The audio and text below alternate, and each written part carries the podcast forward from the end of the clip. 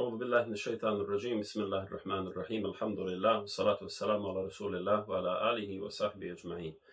Draga braćo, cijenjene sestre, eh, dragi pratitelji, cijenjeni posjetitelji ovog YouTube kanala i svih drugih platformi na koje će ovo, na koje će ovo biti eh, emitovano. Assalamu alaikum wa rahmetullahi ta'ala u barakatu. Neka je na vas Boži mir i Boži, Boži spas gdje god da se nalazili, šta god da radili, u kakvoj god situaciji dunjalučkoj da bili. E, evo, alhamdulillah, pokušat ćemo i na ovaj način da malo češće govorimo e, o određenim temama koje smatramo da su nam potrebne, da su nam neophodne, da ih na neki način aktualiziramo, da se na njih osvrnemo, da napravimo određene kritičke odnose e, na, na, na određene teme ili eventualno da pokušamo, inša Allah, raditi nešto u određenom kontinuitetu kao što je obrađivanju određenih e, tema, tematskih cjelina, eventualno knjiga, sve sa pokušajem što boljeg razumijevanja kako naše lijepe vjere, tako u stvari i života koji nas e, okružuje, odnosno svijeta koji nas okružuje, odnosno života koji živimo u u ovome svijetu. E, I ovo što smo evo, pokušali, ja i Mohamed ovdje koji je zajedno sa mnom u realizaciji ovog projekta, e, jeste u stvari da pokušamo napraviti jedan e, novi podcast ili nešto što, što će biti dakle, nešto drugačija forma nego naši dosadašnji video, vlogovi, video skrajbovi, ne znam, video dakle, obrađen u određenim programima. Dakle, cilj nam je da uz Božju pomoć u ovim podcastima obrađujemo određene teme koje smatramo da su aktuelne i da treba definitivno da se osvrnemo na njih. E, nekada ćemo pozvati ako Bog da neki od naših dragih prijatelja, poznanika i tako dalje, sve sa ciljem u stvari da pokušamo da osvijetlimo određene teme, da se zajedno družimo e, s vama i da pokušamo, inša Allah, utjecati jedni na druge, naravno u hajru i, i u dobru. To nam je dakle svakako jedan, e, jedan od ciljeva koji imamo. Svakako ćemo inšalda, pokušati i sa vama da budemo u kontaktu, e, pa ćemo praviti live e, dakle streamove, odnosno podcaste gdje ćemo pokušati dakle, da odgovaramo na vaša pitanja, jer činim se da zaista ima puno pitanja, puno otvorenih tema, puno različitih dakle, stvari o kojim bi trebalo razgovarati, o kojim se malo razgovara, o kojim se na neki način nedovoljno razgovara i nedovoljno možda imate prilike da o njima nešto čujete, saznate i tako dalje. Ova će, pokušat ćemo da ovo širimo na, na više platformi, što ćemo svakako, što ćete biti obavišten dakle od našeg YouTube kanala Noom Production preko naših društvenih mreža pa do ovih novih, dakle podcast formi gdje se to već širi na Spotify i drugim, dakle programima koji su specijalizirani za zvuk, audio i tako dalje. E, u današnjoj, temi ili prvom podcastu, kako smo ga zamislili, e, želimo da, da, da kažemo nešto e, na, na jednu po meni goruću temu o kojoj zaista nisam do sada čuo da je neko nešto razgovarao, da je govorio, pa čak ni pisao.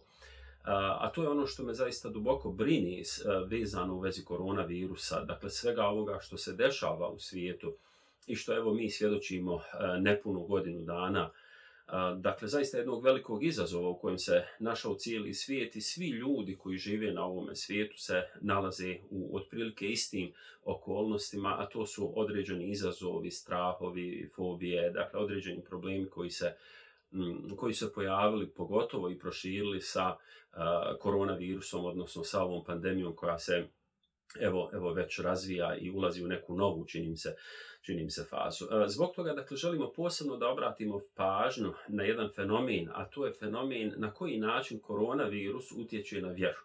E, I to je u stvari želimo da podijelimo s vama jednu zabrinutost, saista jednu duboku i e, iskrenu zabrinutost oko negativnog utjecaja korone dakle na, na vjeru, na vjersko stanje, na ljude općenito i to je ono dakle što zaista činim se da trebamo da osvijestimo jedne druge, da upozoravamo jedne druge i da na neki način budemo ljudi koji će alarmirati druge da, da vodimo više brigu o našoj vjeri, o, o, dakle o našim vrijednostima o našoj duši i tako dalje. E, nekada kada je počela te koronavirus, mi smo snimili jedan video, dakle pod nazivom Islamski odgovor ili Islamski stavovi sprem koronavirusa, koji je do sada pregledalo preko sto hiljada dakle, gledalaca preko samo YouTube-a, jer nismo ga nigdje drugo širili. I to je u stvari pokazalo da zaista ljudi, eh, dobar dio ljudi želi da, da, da čuje eh, našu stranu priče, da je tako nazovemo, da, da čuje naš jedan eh, pogled na ovo sve što nas je zadesilo, odnosno sve što nam se dešava, gdje smo dali u stvari određene poruke, određene smjernice i tako dalje. Dakle, to je više bilo na neki način kako se suočiti s koronavirusom. Sada činim se da je već vrijeme da pokušamo pričati dublje. I, dakle, zaista nisam od onih koji pokušavaju da uđu u određene, na neki način, teorije zavere, koliko su one teorije, koliko su one zaista zbilja, da utvrdimo, dakle, neke stvari koje je nama smrtnicima vrlo, vrlo zaista teško utvrditi, da povežemo neke zaista brojne nejasnoće koje se javljaju u vezi koronavirusa, u vezi pandemije, u vezi lockdowna i svega ovoga što nam se dešava svijetu. E, to zaista niti imam želje, niti imam kapaciteta, ni živaca da, da, da govorim o tome. Svakako o tim stvarima e, će možda biti riječi sa nekim našim prijateljima, možda da, da, da napravimo neki razgovor i tako dalje. Ali ono što je evidentno jeste da koronavirus postoji, da je zaista jedan globalan problem, da je jedan globalan izazov koji je e, na neki način napravio problem na više nivoa. E, dakle, koronavirus je napravio problem i zaista je veliki izazov zdravstvenim sistemima svugdje u svijetu, pa tako i u našoj Bosni i Hercegovini, tako je u svim dakle, državama gdje živi naši e, ljudi, dakle bošnjaci ili drugi ljudi iz Balkana koji razumiju bosanski jezik, Dakle, zaista je ogromno opterećenje i zdravstvenih sistema i ogroman je zaista napad, da tako kažem, koronavirusa na, na zdravstvo u naravno prenesenom, prenesenom značenju. Sama činjenica, evo dok ovo snimamo sada je, dakle prvi video kada smo snimali nije bilo čini se ni milion oboljelih, milion ili dva, sada je već 38 miliona oboljelih od koronavirusa. Dakle, to je ono što je evidentirano. Svjetska zdravstvena organizacija koja, nažalost, zaista, čini se da i ona nekada izgubi kurs i nekada daje kontradiktorne informacije u najmanju ruku, da tako kažemo. Čak spominje podatke da je taj broj daleko, daleko veći, pa čak se spominju podaci oko nekih 750 miliona oboljelih u svijetu od koronavirusa ili čak 10% dakle u skoro svim državama svijeta. Dakle, što nam u stvari govori da je to zaista jedna e, velika prijetnja, jedna velika, na neki način, e, velik, veliki izazov cijelom ljudskom čovečanstvu. Broj umrlih je preko milijun i stotno hiljada, dakle, koji su e, pripisani koronavirusu. Da li su te, to realni brojevi? Da li, da li ima određeni nepravilnosti u brojanju tih ljudi, brojanju smrti od koronavirusa? Da li je taj broj preuveličan ili je taj broj umanjen? To su sad zaista sve stvari o kojim trebalo bi daleko više govoriti, trebalo bi daleko studiozniji pristupiti, e, dakle iz pozicije statistike, iz pozicije e, komparacije smrti u određenim godinama i tako dalje, jer zaista i tu imamo neke, e, da slobodno kažemo, konfuzne podatke, što na neki način zaista smaraju često puta običnog čovjeka.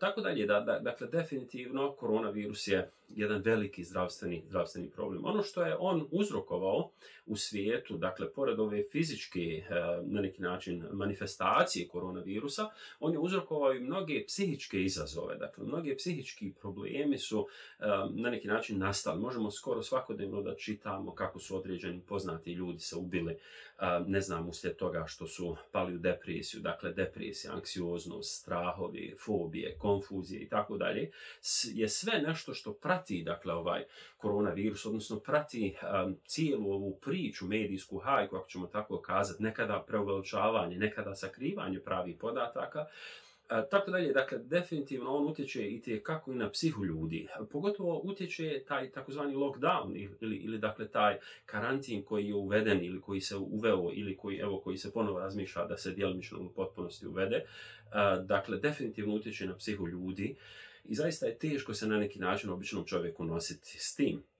E, taj lockdown u isto vrijeme nosi i druge probleme, dakle ekonomske prirode i to je ono što definitivno sada ih najviše e, plaši. Sjetite se da je dakle, Svjetska zdravstvena organizacija preporučila karantin kao jedan od najefikasnijih mehanizama za, za susret ili za, za, borbu protiv koronavirusa, međutim sada odustaju od tog koncepta. E, dakle, kada su govorili da je karantin rješenja, da maske nisu rješenje, sada su zamijenili na neki način teze i to je definitivno jedna od kontradiktornosti koja nas zbunjuje. E, dakle, sada govori da karantin nije nikako dobro rješenje uslijed e, straha od, e, ne znam, širenja gladi, povećanog broja smrti od gladi, nestašice u siromašnim zemljama, na primjer u Jemenu, ne znam, dole u gladnim zemljama Afrike i tako dalje. Dakle, sve su to veliki izazovi s kojim se svijet suočava i dakle koji moraju uzeti svakako u obzir, dakle prilikom preporuka u vezi nekog eventualno novog lockdowna, odnosno nove karantene i tako dalje. Ehm, I sve je to definitivno utjecalo na ekonomije cijelog svijeta, odnosno svih zemalja. Vidjet ćete dakle, da je pad ekonomije GDP-a i svih drugih dakle, parametara u stvari evidentan, velik i, zaista zabrinjavajući u najmanju ruku. Međutim, lockdown e, sa svim ovim ranije spomenutim, dakle koronavirusom, utjecajem na, fizičko tijelo čovjeka, utjecajem na psihu i tako dalje, i pogotovo, dakle, udruženo sa ovim lockdownom ili karantenom, dakle, i te kako utječe na čovjekovu vjeru. Samo da se sjetimo, dakle, da su vrlo brzo nakon pojavljivanja koronavirusa oba harama, dakle i Mekanski i Medinski zatvoreni. Dakle, da je prestalo obavljanje umri, da su prestali obavljanje namaza u džemacima, da su, dakle, ona zdanja u koje je uložene milijarde, Allah zna koliko je uloženo, dakle, milijardi dolara ili eura, dakle, su zjape prazna i su prazna. Naravno, mi govorimo ovdje iz perspektive Islama i perspektive muslimana, E, nešto slično je vjerojatno i sa drugim religijama, gdje dakle, ta kolektivna okupljanja, u nekim državama je to zabranjeno, ne znam, više okupljanje od stotnu ljudi, u nekim državama je zabranjeno, ne znam, više od 50, u nekim više od 200 i tako dalje. E, pardon, dok imate recimo neke države koje zabranjuju čak više od deset ljudi, u nekim ekstremnim slučajevima više od tri čovjeka i tako dalje. Dakle, šta, šta nam ovo govori? Jedan od osnova islama, e, na, na što nas poslanik sallallahu alejhi ve sellem savjetuje, na što nas cijela naša vjera savjetuje, jeste u stvari džamat, jeste to druženje. E, džamat nije samo zajedničko na neki način klanjanje da mi dođemo zajedno i da zajedno klanjamo, da da činimo ibadet Allahu džalašan. džamat je puno više od toga. džamat je dakle naše zajedničko druženje, džemat je naše zajedničko veselje, naša zajednička tuga, naše zajedničko na neki način dijeljenje radosti, dijeljenje tuge, na, naše ispitivanje stanja oni koji su u potrebi u našem džematu, na, našoj dakle bližoj ili daljoj okolini. Dakle, džemat nosi sa sobom mnogo, mnogo zaista zaista stvari koje su sve na neki način ugrožene, u, u ovim okolnostima. Kada bi uzeli zaista jedan presjek e, stanja džamata kod nas, kako u Bosni i Hercegovini, tako u našoj dijaspori, pa ako hoćete u drugim državama, dakle muslimanskim, e, arapskim ili slično, vidjet ćete da je, došlo do zabrani dakle, obavljanje namaza u džamatima u brojnim e, državama, brojnim mjestima, da je došlo dakle zaista do velikih restrikcije sve iz straha u stvari da se da džamije ne budu mjesta odakle će se dakle, širiti koronavirus, odakle će krenuti dakle, veliki broj zaraženih. I što je zaista razumljivo, dakle što donekle zaista možemo da razumijemo, vidimo da se promijenio način klanjanja, da se ljudi udaljili po metar u džamijama, da ljudi ne izbjegaju dakle, i, ne selame se. I sve su to zaista stvari koje možemo podržati, kazati, dakle ukoliko zaista one doprinose tome da se e, koronavirus ne širi, dakle zaista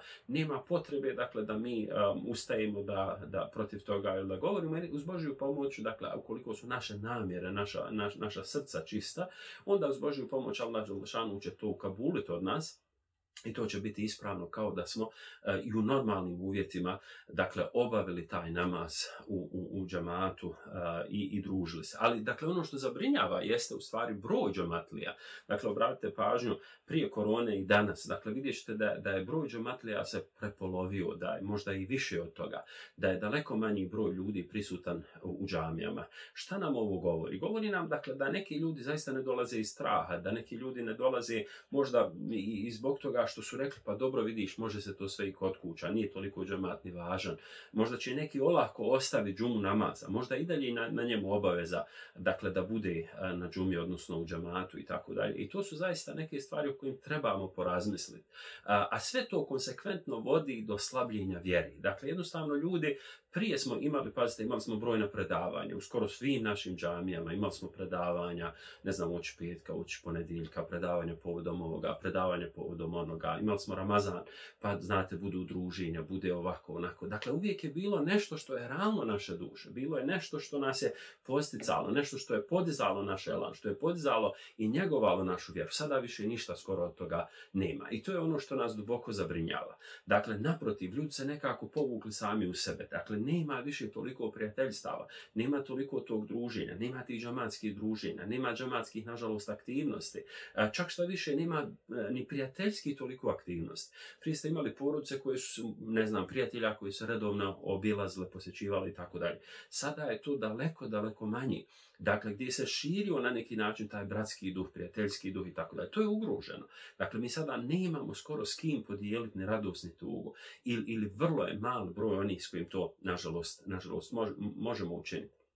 I zbog toga, dakle, moramo biti svjesni da je to zaista jedan veliki izazov i da je to u stvari sve upireno i, sve direktno, dakle, protiv naše, naše vjere. I zbog toga, dakle, e, ovo i govorimo, dakle, da jednostavno pokušamo naći odgovor na, pitanje kako se obhoditi u ovim, na neki način, u situacijama, nastalim okolnostima i tako dalje. Nekoliko smjernica i nekoliko savjeta. Prva stvar, što se tiče fizičkog tijela, ono što je poslanik sallallahu alejhi ve sellem nas savjetovao prije 1400 i više godina jeste da mi nikada ne trebamo biti uzrokom da se neko zarazi. Dakle, ukoliko smo e, zaraženi, ukoliko sumnjamo da smo pod temperaturom, ne znam, e, imamo neke druge simptome, dakle ne treba da se družimo s drugim ljudima, treba da upozorimo druge ljude, naše najbliže, dakle da imamo nešto pri sebi Dakle, što je na neki način E, dakle, može biti asocirat na Pogotovo ukoliko se, dakle, taj virus potvrdi da, da, da je neko od nas, nego Allah, bolestan, dakle, treba se zaista pridržavati svih mogućih mjera u, tom, u, u, toj situaciji, dakle, i striktno zaista pridržavati se medicinskih savjeta, uputa koji nam naši doktori e, kažu, ljekari, dakle, e, koji nas eventualno liječe, vode u tom procesu i tako dalje. To ovo je zaista od iznimne važnosti. Mi koji nismo, hvala Allahu dragom, bolesni, koji nismo došli u doticaj ili ili nas on nije na neki način zarazio. Dakle, e, koronavirus treba da preduzmemo sve preventivne radnje koje nam također naša lijepa vjera savjetuje. Dakle, od konstantnog pranja ruku prije jela, poslije jela, dakle, e, ne znam, pet puta dnevno da abdestimo, da, dakle, nakon svakog rukovanja da, da, da perimo ruko, čak da izbjegavamo rukovanje. Dakle, sve su to normalne stvari u ovakvim, u ovakvim okolnostima. I zaista tako to treba razumjeti. Sve ono što može na neki, da ne idemo tamo gdje znamo da je neko bolestan, da ne izazivamo, dakle, da tako kažemo, e, određene probleme zdravstvene prirode, da bi sačuvali u stvari naše, naše fizičko tijelo. Tako dakle, da svi oni savjeti koji nam daju, uglavnom, dakle, ovi nacionalni, ne znam, štabovi za, za zdravlje i tako dalje, zaista trebamo ih pratiti, oni su zaista dobronamjerni, dakle, naši uvaženi alimi, naše, naši imami, dakle naši predvodnici koji kažu određenu stvar, dakle da treba klanjati na određeni način, da treba stat na određeni način, da treba klanjati sa maskama u džami i tako dalje. Dakle, to je nešto što zaista trebamo iz preventive da poštujemo. Jer imamo, dakle, šerijatske dokaze koji dokazuju da je to zaista tako. Dakle, od šerijatskih principa, dakle, da se spriječi bilo kakva nesreća, da, da, ne dođe ni do, bilo čega što je negativno i tako dalje. Dakle, do razumskih dokaza koji nam govore u stvari u prilog, u prilog toga. S druge strane, druga stvar, e, dakle, da vodimo računa o našoj psihi. E, šta znači vođenje računa o našoj psihi? Subhanallah, mi kao muslimani, e, treba da budemo duboko ubijeđani u dvije najmanje stvari. Prva stvar jeste kuranski ajet kome uzvišeni Allah Đelešanu kaže Kul la yusibana illa ma kataba Allahu lana huwa Dakle, uzvišeni Allah kaže recite Dakle, mi kao vjernici treba to sami sebi da kažemo, treba da kažemo drugim vjernicima, treba da kažemo svim ljudima, a to je, neće nas zadesiti ništa osim ono što nam je gospodar propisao da nam se e, dogodi. Dakle, da li je to život, da li je to smrt, da li je to bolest, da li je to kušnja, da li je to gubitak, da li je to dobitak, da li je to bilo što na ovome svijetu, dakle, uključujući koronavirus ili bilo koji drugi virus, dakle, ili bilo koju drugu kušnju, dakle, ništa se ne može dogoditi bez Allahove dozvole i Allahove žalašanu odredbe. Dakle, to nas kao vjernike treba da nas smiri, jer gospodar je taj koji je odredio kada će neko živjeti, kada će neko umrijeti. U to smo duboko e, ubijeđen. E, drugi ajet jeste ajet u kome uzvišen Allah Đaldašanom opisuje stanje poslanika sallallahu alaihi sallam u stanju straha i Ebu Bekra kada poslanik sallallahu alejhi ve sellem kaže la tahzan inna Allaha ma'ana, nemoj se bojati je Abu Dakle Abu se bojao za poslanika sallallahu alejhi ve sellem, za njegov život, bojao se dakle da će ih sustići, da će ih ubiti i tako dalje. I tada mu gospodar svjetova dakle daje poslaniku sallallahu alejhi ve sellem objavu, daje mu inspiraciju i poslanik alejhi ve sellem kaže ove riječi koje će ostati zabilježene kasnije u Kur'anu Kerimu la tahzan inna Allaha ma'ana, nemoj se bojati, ne brini se, Allah je dželle s nama. Dakle Allah dželle sve vidi, Allah Đelešanuhu sve zna, Allah Đelešanuhu svim upravlja. Dakle, mi smo kao vjernici duboko uvjereni u to i moramo se zaista držati toga. Ukoliko ne, bi odustali od ovih stvari i kao i drugi kuransko-sunnetskih naputaka u ovom pogledu, onda se zaista boja da čak i kod vjernika se mogu javiti određene posljedice, dakle po psihu kao što su, ne znam, anksioznost, određeni strahovi, fobije, konfuzije eh, i tako dalje i tako dalje. I treća stvar koju posebno želimo da akcentiramo jeste kako živjeti vjeru u, u ovim okolnostima. Dakle, kako eh, smatram da bez obzira što su ove okolnosti ovakve kakve jesu, one ne smiju biti opravdanje da odustanemo od naše vjere, da odustanemo od principa i propisa naše vjere. Bez obzira da li se radilo o farzima, da li se radilo o vađibima, da li se radilo o sunnetima, da li se radilo o mustahabima, dakle, treba da radimo ono koliko smo više u mogućnosti. Pa dakle, e, da, da izvršavamo maksimalno sve farze. Dakle, je, je, osim u slučaju kada zaista to ne može. Ukoliko čovjek bolestan, vi znate šarijatsko pravilo, bolestan pa ne može da klanja stojeći, on će klanjati sjedeći. Ukoliko ne može da klanja sjedeći, on će klanjati ležeći. Dakle, na bilo koji način. Ali ta pobožnost, ta bogobojaznost koja se od nas traži, itaqillaha hajthu makunt, kaže poslanik sallallahu alaihi veselam, boj se Allaha gdje god da se nalaziš i u kakvoj god dunjalučkoj situaciji da se nalaziš. Da li je to bolest, da li je to izazov, da li je to pandemija, da li je to svjetski rat, da li je to bilo šta, treba se bojati Allaha Đalašanuhu. Dakle, ta bogobojaznost koja u sebi obuhvata sva pozitivna svojstva, sva dakle plementa svojstva koja su šarijatom naređena, šarijatom preporučena, u stvari treba da bude objedinjena u ovoj bogobojaznosti i to uvijek moramo, moramo da imamo. E, ono što, što Kur'an nam posebno savjetuje jeste da se držimo Kur'an i Kerima. Dakle, da ga učimo, izučavamo, da ga učimo na arapskom jeziku, da ga učimo na bosanskom jeziku. Dakle, na jezicima koje mi razumijemo. Možda neka naša djeca ne razumiju bosanski dobro. Ne ga čitaju na jeziku u kojem živi, dakle, državi u kojoj živi, dakle, jezik tamo koji, koji, koji jednostavno uči u školama i tako dalje. Jer je iznimno važno da se o Kur'an i Kerimu razmišlja da se stalno bude u kontaktu sa Allahom u riječima, da, da čitamo Allahove u riječi i da tu u stvari nalazimo naše životne inspiracije. Sljedeća stvar koja jača našu bogobojaznost jeste zikr, jeste stalni, konstantni zikr. Dakle, da stalno, konstantno zikrimo uzvišenog Allaha. Dakle, da li će to biti eh, naprste, da li će to biti na tesvi, da li će to biti na drugi način, dakle, zikra, to je, potpuno nevažno, to je sad tehnika. Ali ono što je važno jeste ta sržna bogobojaznost, u stvari jeste zikrullah, dakle, spominjanje Allaha Đaldašanuhu u, u našim srcima, odnosno našim jezicima i na način na koji su propisani od strane poslanika, sallallahu alaihi wa alihi sallam. Sljedeća stvar dakle, koju bi svakako preporučio u vezi brige o našim, dakle, našoj vjeri jeste da imamo i dalje kontakt sa našim najbližim, prije svega članovima naše porodice, našim prijateljima. Ako ne možemo čak imati fizički kontakt, onda možemo nazvati jedni druge, onda možemo biti u virtualnoj vezi, u smislu dakle, da nazovemo jedne druge, da vidimo jedne druge, da porazgovaramo jedne drugi, e, s drugima, da podijelimo dakle, određene brige, određene probleme, određene izazove, određene strahove i tako dalje i definitivno će nam to biti, biti bolji. Kad god smo u mogućnost dakle, da pristujemo džematu na način na koji je to već moguće, to trebamo činiti. Ako ništa da napravimo žematu našim kućama, koliko je to ikako dakle, dakle u mogućnosti bilo, bilo kome od nas. E, ovo su dakle e, vremena izazova. Ova vremena izazova donosi kušnju naše vjere na različite načine. Dakle, kušnju na sami, ali kušnju našeg odnosa sprem drugih.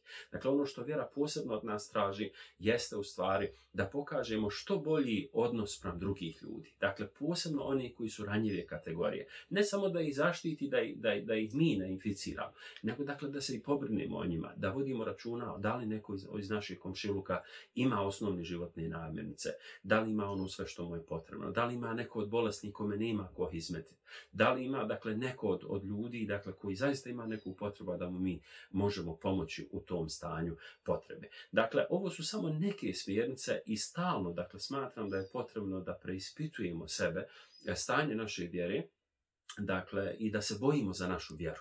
Jer, jer, dakle, zaista strah me da šeitan može da napadne našu vjeru i da nas napada konstantno e, i na ovi načine. Dakle, pogotovo u ovim osjetljivim vremenima, u osjetljivim na neki način situacijama, situacijama izazova i tako dalje.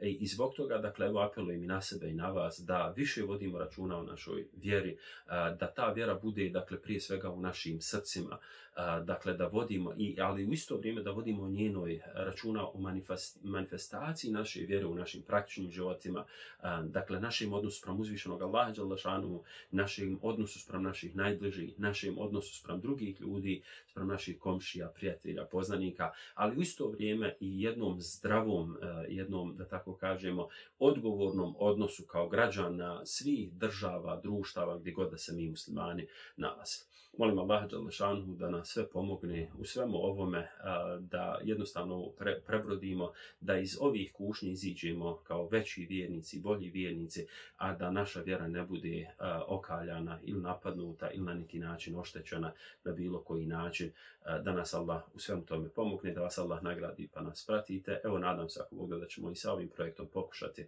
da budemo češći i konstantni i da se bavimo određenim društvenim, dakle i, i ličnim i vjerskim problemima ili pitanjima koja smatramo da su vrijedna, dakle da se spomenu, da se aktualiziraju i tako dalje.